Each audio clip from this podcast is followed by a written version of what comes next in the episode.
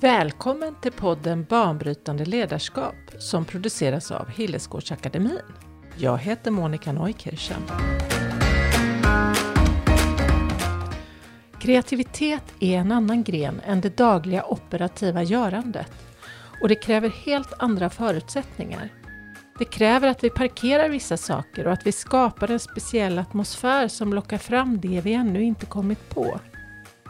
Det kräver trygghet, mod och varsamhet och vi behöver pausa våra egna agendor, vår rädsla och vår vilja att snabbt komma till lösning.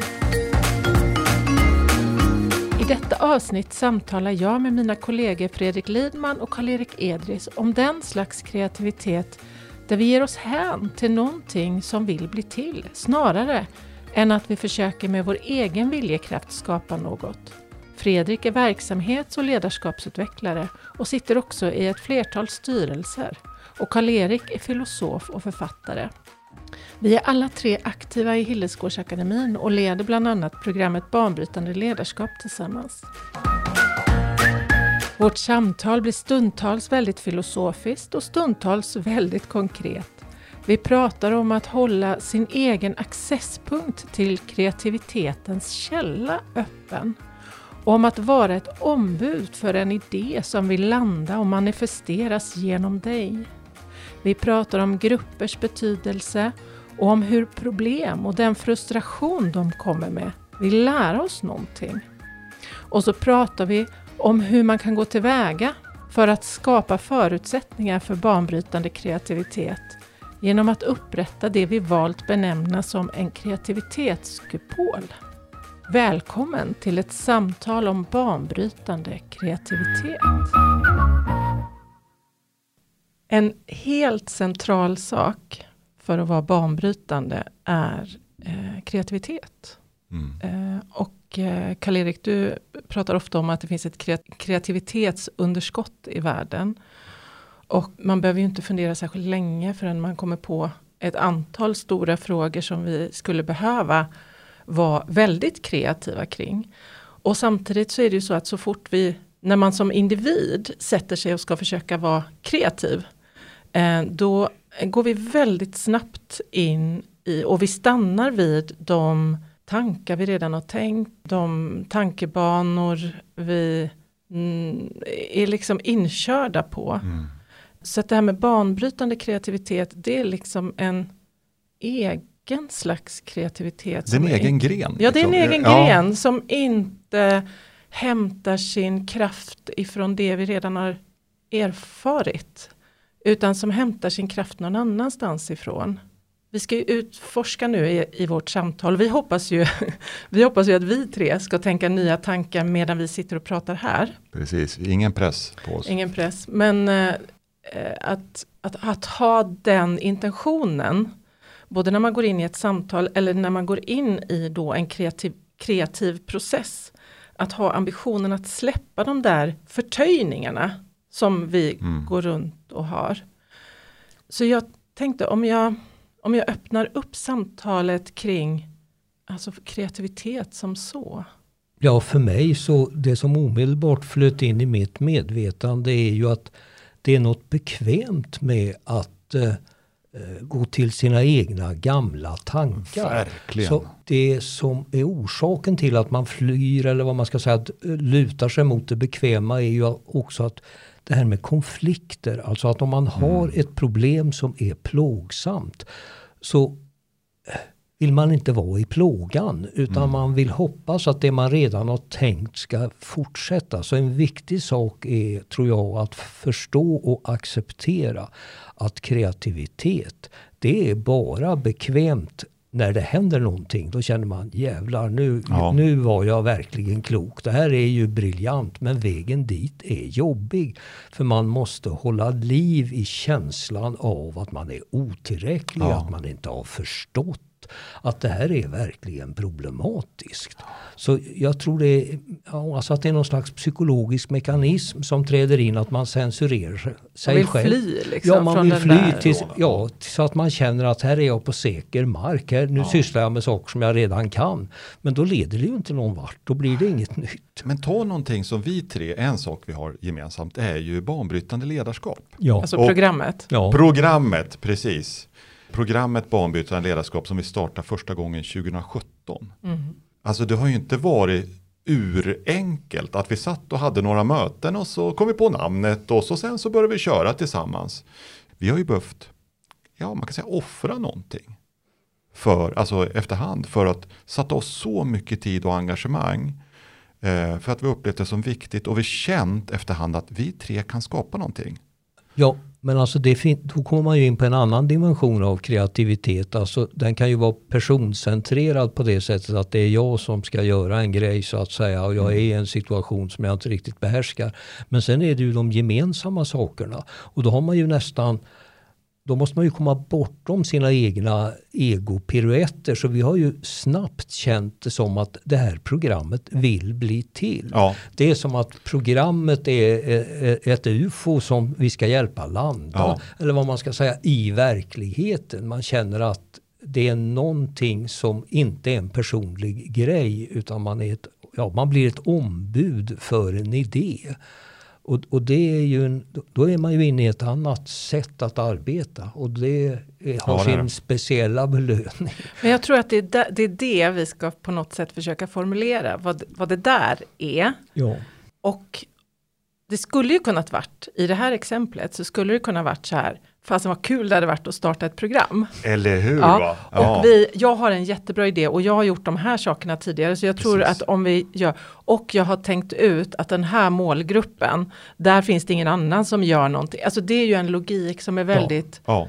som jag har varit väldigt mycket i, att det är min egen ambition, eh, min egen fantasi, Mm. eh, min egen föreställning. Och det du säger Karl-Erik, eller jag vet inte vem av er som sa det, men att det, det här programmet nästan lockade på oss Mm. Ja. i det här Ja. exemplet. Och vi har ju andra exempel ifrån eh, våra klientarbete vi gör och så.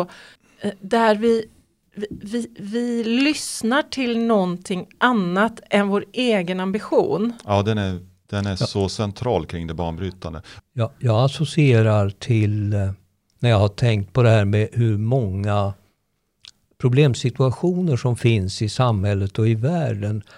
När den här tanken kom att de här problemen är budbärare för sin egen lösning. Alltså det finns egentligen en lösning i problemen. Alltså alltså att, det, att lösningen finns där redan. Det gäller bara att kunna orka stå ut med att försöka förstå och omfatta smärtan i problemet, att vara i problemet och med rätt personer vara i problemet så kan man hitta, ja, lösningen låter ju som att då, sen fungerar det. Ja, ja? Men alltså nästa, inte. ja, nästa steg åt rätt Ja. håll, det blir ju aldrig mer än steg åt rätt håll för det här att bli klara och säga ja men nu har vi fixat världen, nu kan vi lägga ner verksamheten och åka till en ny planet. Alltså det är klart att storyn fortsätter ju. Men att det där med att kunna gå in i vad vill den här problematiska situationen oss? Vad vill den att vi ska förstå och vad vill den att vi ska göra? Här finns en nyckel tror jag till det här som vi kallar banbrytande. Så vi, så vi är ju inne på några saker. Jag menar att kreativitet när det gäller de stora frågorna handlar om grupparbete. Mm. Det krävs en nyfikenhet, ett mod och förutsättningar Ja. runt dig. Så att du kan styra på de signalerna du hör. Och modet är bland annat att vara i det obekväma. Att kunna vara, och ibland väldigt lång tid i det som är obekvämt. Ja, man kan ju inte gå in, in, man kanske går in intakt men man kan ju inte vara intakt utan Nej. man måste ju förvandlas genom själva situationen. Ja. Annars blockeras det ju och blir någon slags maktkamp och man ska tvinga på verkligheten de idéer man själv har. Mm. När det i själva verket, om man nu återigen tänker på det här som jag var inne på tidigare om, om alla problem och, och komplikationer som finns, de försöker ju lära oss någonting. Alltså det är ju ett väldigt starkt budskap. Hallå, det här fungerar inte. Kan det inte försöka på något annat sätt? Eh, måste, hur länge ska ni försöka att få rätt med den inställning ni har? Det kommer att bli värre och värre. Öppna er för det som finns här. Alltså att man möter ju sin lärare också i det här. Om vi tänker oss att det perfekta programmet, om vi pratar om det perfekta mm. banbrytande ledarskap, ja. så har vi ju ännu inte riktigt fattat det. Utan vi Nej, kämpar ju med det. Ja, och vi kommer förhoppningsvis aldrig bli klara med det. Nej. För då det, är det stelt. Va? Ja, det, ja, och, satt, och det är ju det som är kul. Ja, det är då känner man ju liksom att då, då lever livet, eller vad man ska säga. Då är man inte bara här och andas och Nej. fortsätter. Nej. Så, så det är någonting där mm. alltså som är nyckeln tror jag till all sorts kreativitet. Att våga, våga inse att man inte fattar men att det finns där och att man kan öppna sig för ja. det. Eh, så här att där vi sitter i den här studion just nu i Trångsund så har vi två stycken blädderblocksbilder vid sidan av oss och nu tittar jag åt det hållet. Eh, som om du ser det här på LinkedIn eller Facebook eller kan eh, mejla till exempel Monica eller Karl-Erik eller mig så kan du få ta del av de bilderna.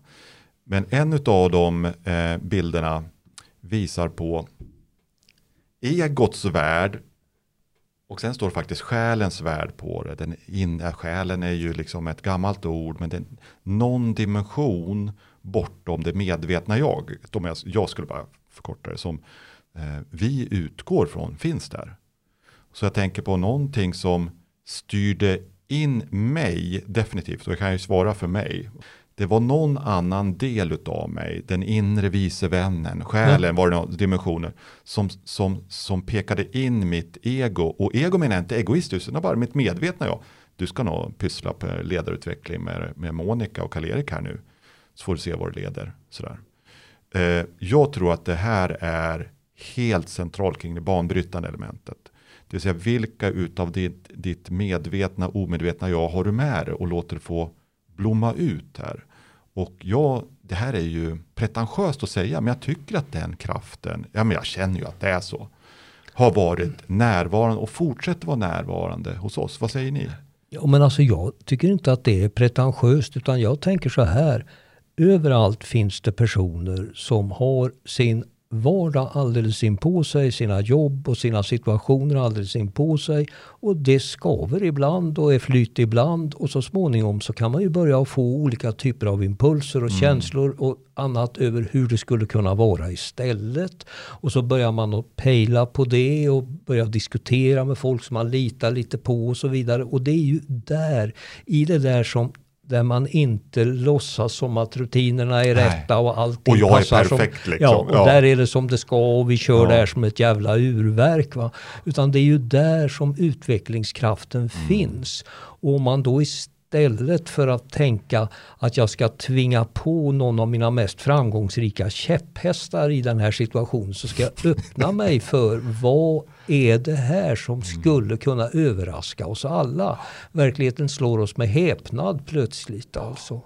Att tillsammans med de här personerna går det att göra någonting helt annat. Så att jag tror att det finns en enorm transformationskraft ja. överallt om man vågar tänka tanken att det här gamla tåget eller vad man ska säga som vi kör, det behöver inte fungera. Så släppa sargen om, om ja. det medvetna jaget över sargen ja. på ishockeyrinken och ut och med skridskorna på och ja. på Bambi på hal is. Ja. Våga det, för då kan faktorn X som vi kallar den då, vara närvarande också och, eh, och vi kan lite... greppa den och ta helt oväntade grepp för för oss efteråt. Sen, sen, har ju tiderna förändrats på det sättet att förr i världen var ju kreativitet ofta geniala personer och uppfinningar. Men mm. det går ju mot grupper. Att nu har vi kommit in i en sån komplex fas mm. så att enkla, en, en briljant person löser det hela.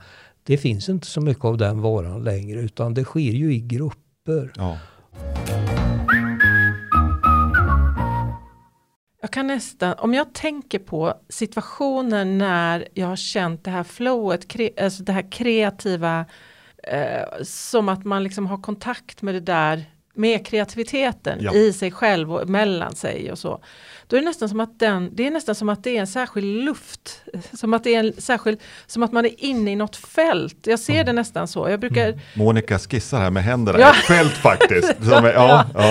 eh, men att det är, man skapar förutsättningar för en viss typ av atmosfär. Men det är som, med händerna nu som ni inte ser, de- det är som att du håller om någonting. Du omfamnar någonting. Det är, och jag tänker på också när du säger det, när man har kommit igång med ett, med ett kreativt grupparbete så som vi pratar om det här. Då, då är det lättare om den gruppen fortsätter på med det, att komma in i det igen. Man känner igen varandra och vi har det här fältet som vi går in i. Eh, sådär. Eh, och det har ju också efterhand i de här uppdragen vi har jobbat med, eh, liksom också man har kommit in i ett fält tillsammans. Och då sa ju du Fredrik att vi har två affischer hängande här.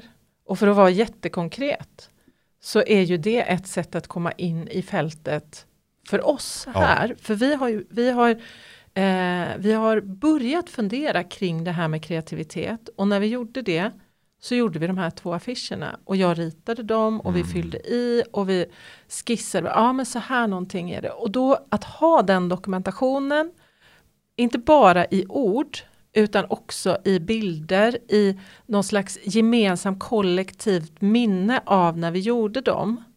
Det är den ena saken vi har gjort här konkret idag för att vi skulle ta oss in i ämnet kreativitet.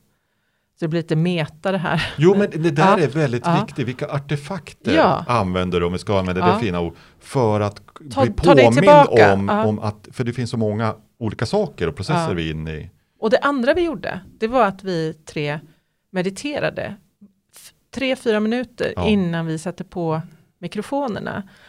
Och det är också ett sätt att stilla oss Mm. från allt som har hänt tidigare idag och centrera. För att det som du pratade om tidigare Fredrik med den här själens värld, om vi ska Mm. kalla det egots värld och själens värld. Eh, och på den affischen där det står egots värld och själens värld så står intuition, kreativitet och bortom språket Mm. i det då vi i den terminologin kallar själen, själens värld. Och då handlar ju det också om att göra dig själv, ja, vad har du för accesspunkt Ja, till din egen, ja, Ja. vad har du för accesspunkt till din egen kreativitet, till din egen intuition. För när, när livet snurrar på, då slammas den kanalen igen. Ja.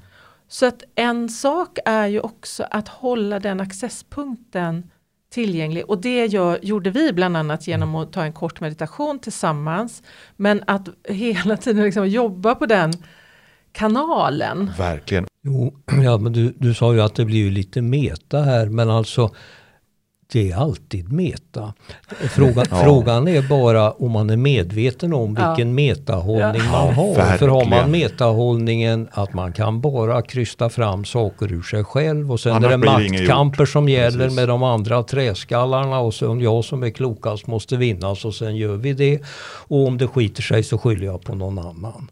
Eller om man ska ha ett meta där man känner det mera som att vi hjälper ett projekt. Ja. Alltså det, det är en gemensam grej. Och, och jag menar, det, jag känner ju det här med språket. Alltså, när jag sa det där att ett ufo möjligen landar som jag sa förut. Att man känner att det, det finns något som vill bli till. Vi vet inte riktigt vad det Mm. Nej. är men vi känner en oms och vi anar det på olika sätt och vi hjälps åt och så plötsligt så känner man nu, nu har det blivit konkretare. Ja, och alltså, emot. Ja. Man kan ju tycka att det, vi pratar flummigt och att det är svårfångat men det är jävligt, ursäkta uttrycket, praktiskt. Ja. Alltså det handlar ju om att få saker att fungera i praktiken Mm. och att de här sakerna öppnar för andra och bättre sätt att göra det. Jag menar, vad är det vi om man nu ser på världen så kan man ju säga att det finns ju fullt av personer som tycker att det vi gör är precis som det ska vara men det blir en hel del biverkningar. Det, hur fungerar saker? Det kan inte vara så bra som man tror utan det behöver förändras. Och det finns i situationen om man kan läsa av vad de här smärtpunkterna eller friktionen, vad den betyder så betyder den pang, här finns en annan lösning om ni era träskallar kan öppna er för Ja. det. Så, så uppfattar jag det där alltså. Så det, det är det det handlar om. Att ta vara på utvecklingskraften som är mitt framför näsan på oss. Ja. Och hitta konstellationer, vi är ju inne på det på den andra planschen. Om du vill gå in på den så är vi ju inne på det här hur man hittar konstellationer som kan lösa de problem som man står till knäna i eller Ja. kanske upp till halsen Mm. också. Men då går vi in på det. Ja. Vi, för vi har ju börjat prata i termer av kreativitetskupol. Mm. Det behövs lite bilder. Det behövs lite termer för att beskriva det här som är ganska svårfångat. Och det är det vi försöker göra. Och om man tänker sig en kupol eh, som kanske är inte, kanske inte är helt tät, kanske är mer som ett membran eller någonting som är genomsläppligt fast som skyddar. Ja. Mm. Och så tänker man sig att har vi en svår fråga som vi ska lösa eller har vi någonting som vi känner pockar på eller kallar eller det här behöver vi eh, ta emot det här Mm. rymdskeppet eller den här idén ska vi ta emot. Då behöver man skapa, tänker jag då, en kupol, en plats, en skyddad plats. Och det är ju både en fysisk plats men också en tidsmässig plats och en eh, konstellation av personer som, kan, som, kan, som ska vara där. Och att man då tänker sig att den här kupolen, att man väldigt medvetet skapar de förutsättningar som behövs där. Och man eh, hittar en, ett sätt att parkera vissa saker. Ja. Och de sakerna är, är rädsla. Det går Ja. inte alltid att medvetet parkera rädsla men man behöver anstränga sig för det. För det finns inget som dödar kreativitet så kraftfullt Ja, som... för det är egodrivet. För det är egodrivet, ja. Eh, Och det är så mänskligt, men det är att parkera, Ja. pausa, Ja. och, det. Mm. och att sen också parkera och pausa så gott det går den, de egna agendorna, den egna liksom, behovet av att, för det är ganska skönt att vara den där som, aha, nu kom jag på lösningen, det var min Ja. lösning, jag får Nobelpriset. Ja. Vad behövs inuti en kreativitetskupp? Vilka förutsättningar behövs för att skapa den atmosfär som möjliggör en banbrytande kreativitet? Alltså från mitt håll så, så måste ju skälet till att man alls har samlats vara ja, tillräckligt väldefinierat och att man har en känsla för att man är berörd av det där. Tror jag. Ja. Alltså att man har Ja. liksom eh, Alltså det finns någon inträdesbiljett där man känner att man är, att man är berörd Ja. och eh, intresserad. Och att det mera är en fråga än att man ska in och tala om hur det är. Alltså, för det har ju någonting med attityden att göra. Det här att man ska vara, vara öppen för att det här är en situation när något ska uppenbaras för en. Nå- Det ska gå upp ett ljus för en. Alltså, det enda man har fattat är att det, det inte fungerar tillräckligt bra. Att det finns ett problem. Och sen kanske man inte har fattat varför problemet ser ut som det är. Alltså vilka krafter det är som definierar det. Var, var, var blockeringarna sitter. Alltså olika sådana här saker. Så det är ju mest, alltså i min värld är det nästan så att det handlar, alltså lösningen kommer inte förrän man förstår, lösningen är ju egentligen fel uttryck, men alltså den bättre idén om hur man ska hantera det, den kräver ju att man förstår hur det verkligen är. Alltså att man förstår bet- situationen bättre än vad man hittills har gjort. Mm. För hade man förstått den tillräckligt bra för att hantera det bättre, då hade man ju gjort det. Så, Ja. det, finns, så det handlar mycket om det där att bli medveten om varför man tror att det ser ut som det gör. För det är, det är brister i perspektiv, Ja. det är en massa saker där. Va? Och då måste man ju gå in tillsammans med varandra och ha olika erfarenheter som du säger prestigelöst. Eh, Jag, brukar ju säga att eh, vi ska våga säga saker som vi inte är beredda att försvara. Mm. Alltså att sånt som faller en in bara. Ja. det, det, utan att man vet om det kan Nej. det, eh, ja, det kan leda till någon association som öppnar någon dörr som man inte ens visste fanns. Och, och ja, så det är, en, det är det där liksom, komma in i det där Mm. lite flummiga tillståndet men var väldigt... Men flummiga tillståndet är centralt. Det är helt centralt. För annars är vi ju det vi redan vet som är jätteviktigt i vardagen. Men pratar man om banbrytaren så är det flummiga tillståndet centralt. Att man inte riktigt vet och Ja. prövar sig fram. Ja, för annars Kre- reproducerar man ju Ja. det man är inne i. Va? Ja. Då hackar ju maskinen fram samma Ja. tankar, samma perspektiv. Va?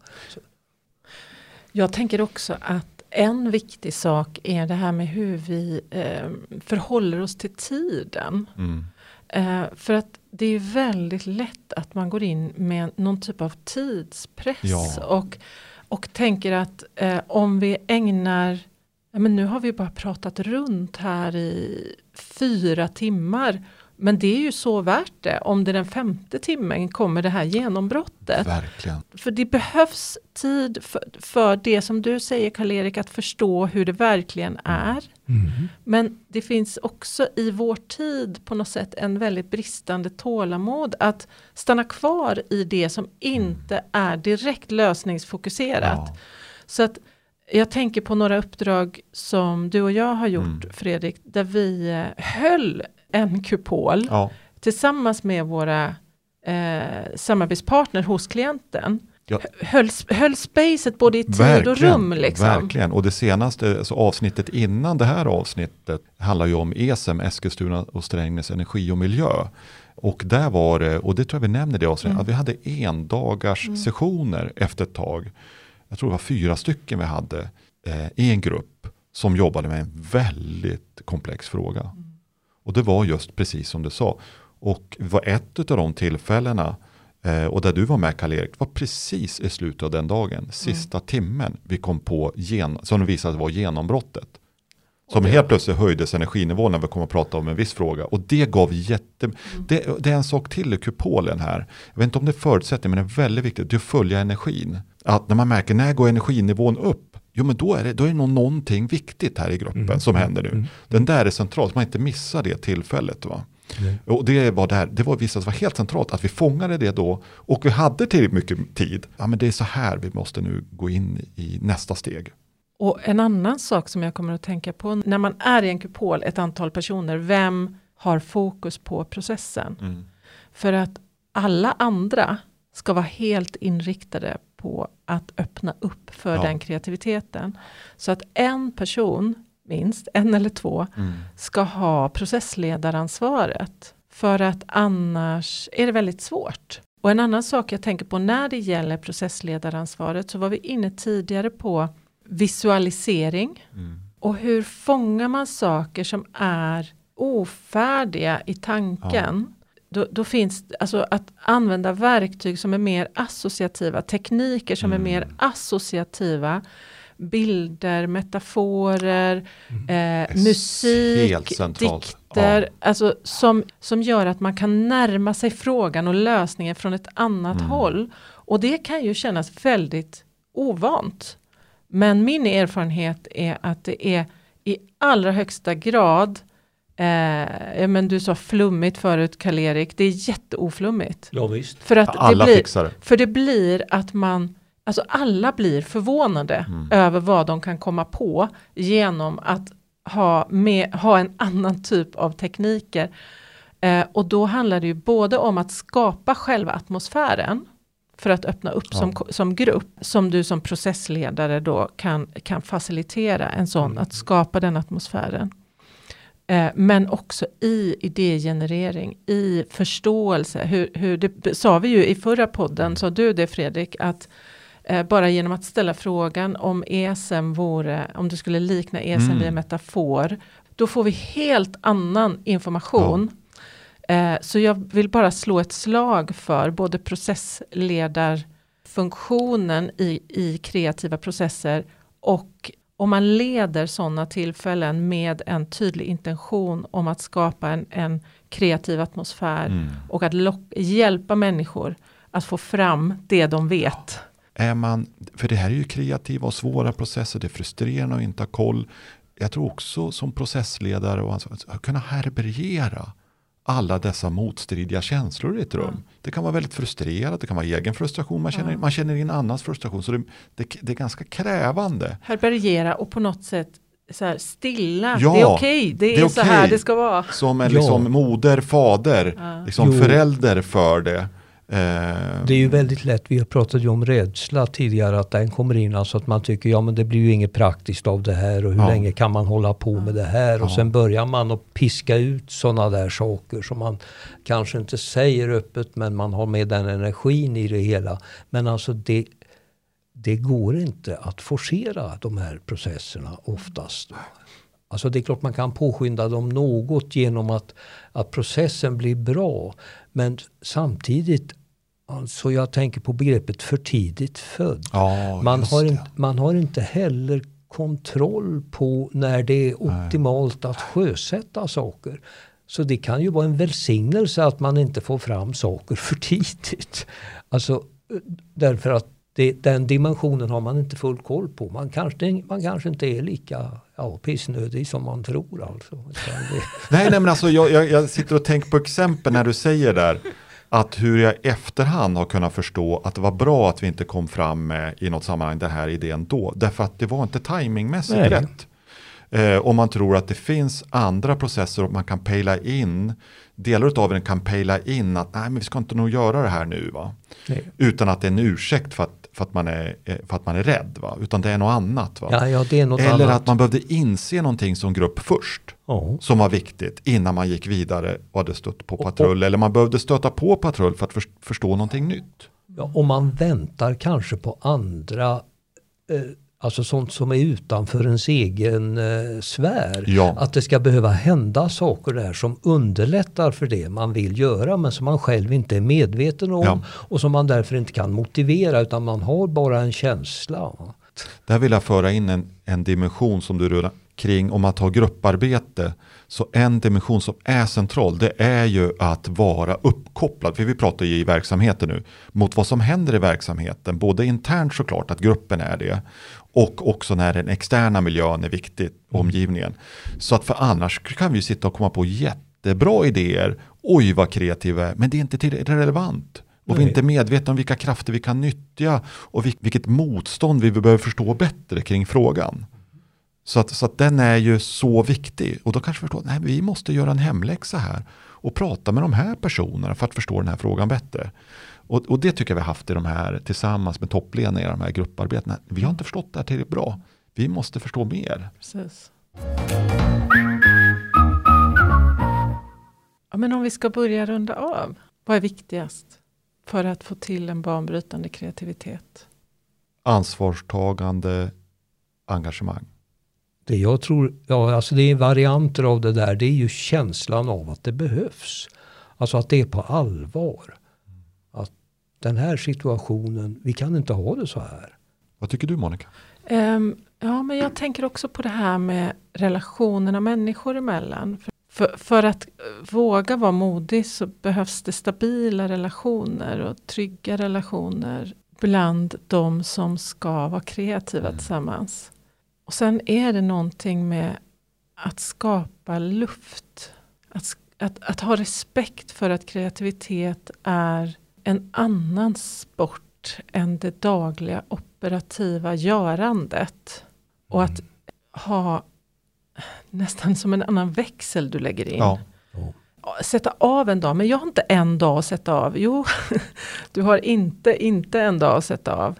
Om man förstår kraften i den slags kreativitet. Så att det är att tänka på det på ett annat sätt. Så kupolen är också en tidskupol. Ja, alltså att, att skapa den, det utrymmet för kreativitet.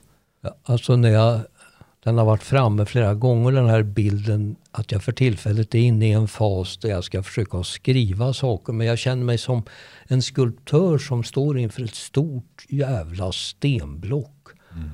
Och jag vet inte vad, jag vet att det är något som ska fram ur det här stenblocket.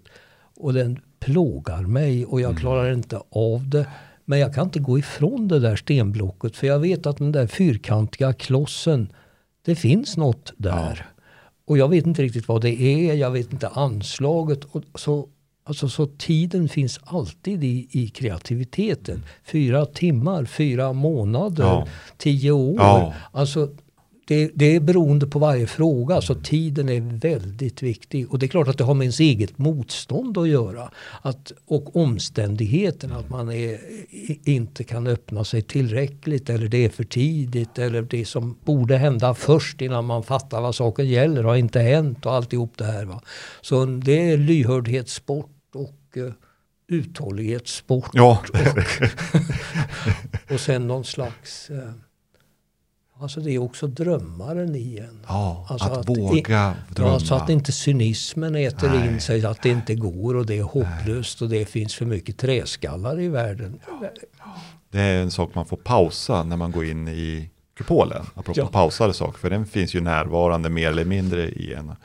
Jag tänker att det här eh, avsnittet som vi, eller det samtalet vi nu har haft, är ett första avsnitt i det vi hoppas bli en serie av avsnitt kring kreativitet. Så att jag kommer att träffa flera gäster framöver mm. och utforska både konkreta verktyg som man kan använda i den här kupolen, men också andra in intressanta personer som kan ge oss fler perspektiv på kreativitet. Mm. Det låter bra. Ja.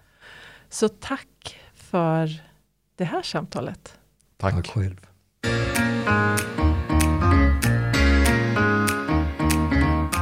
Banbrytande ledarskap produceras av Hillesgårdsakademin.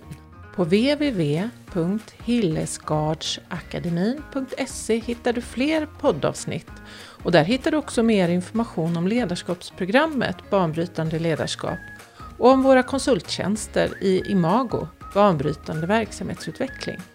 Välkommen!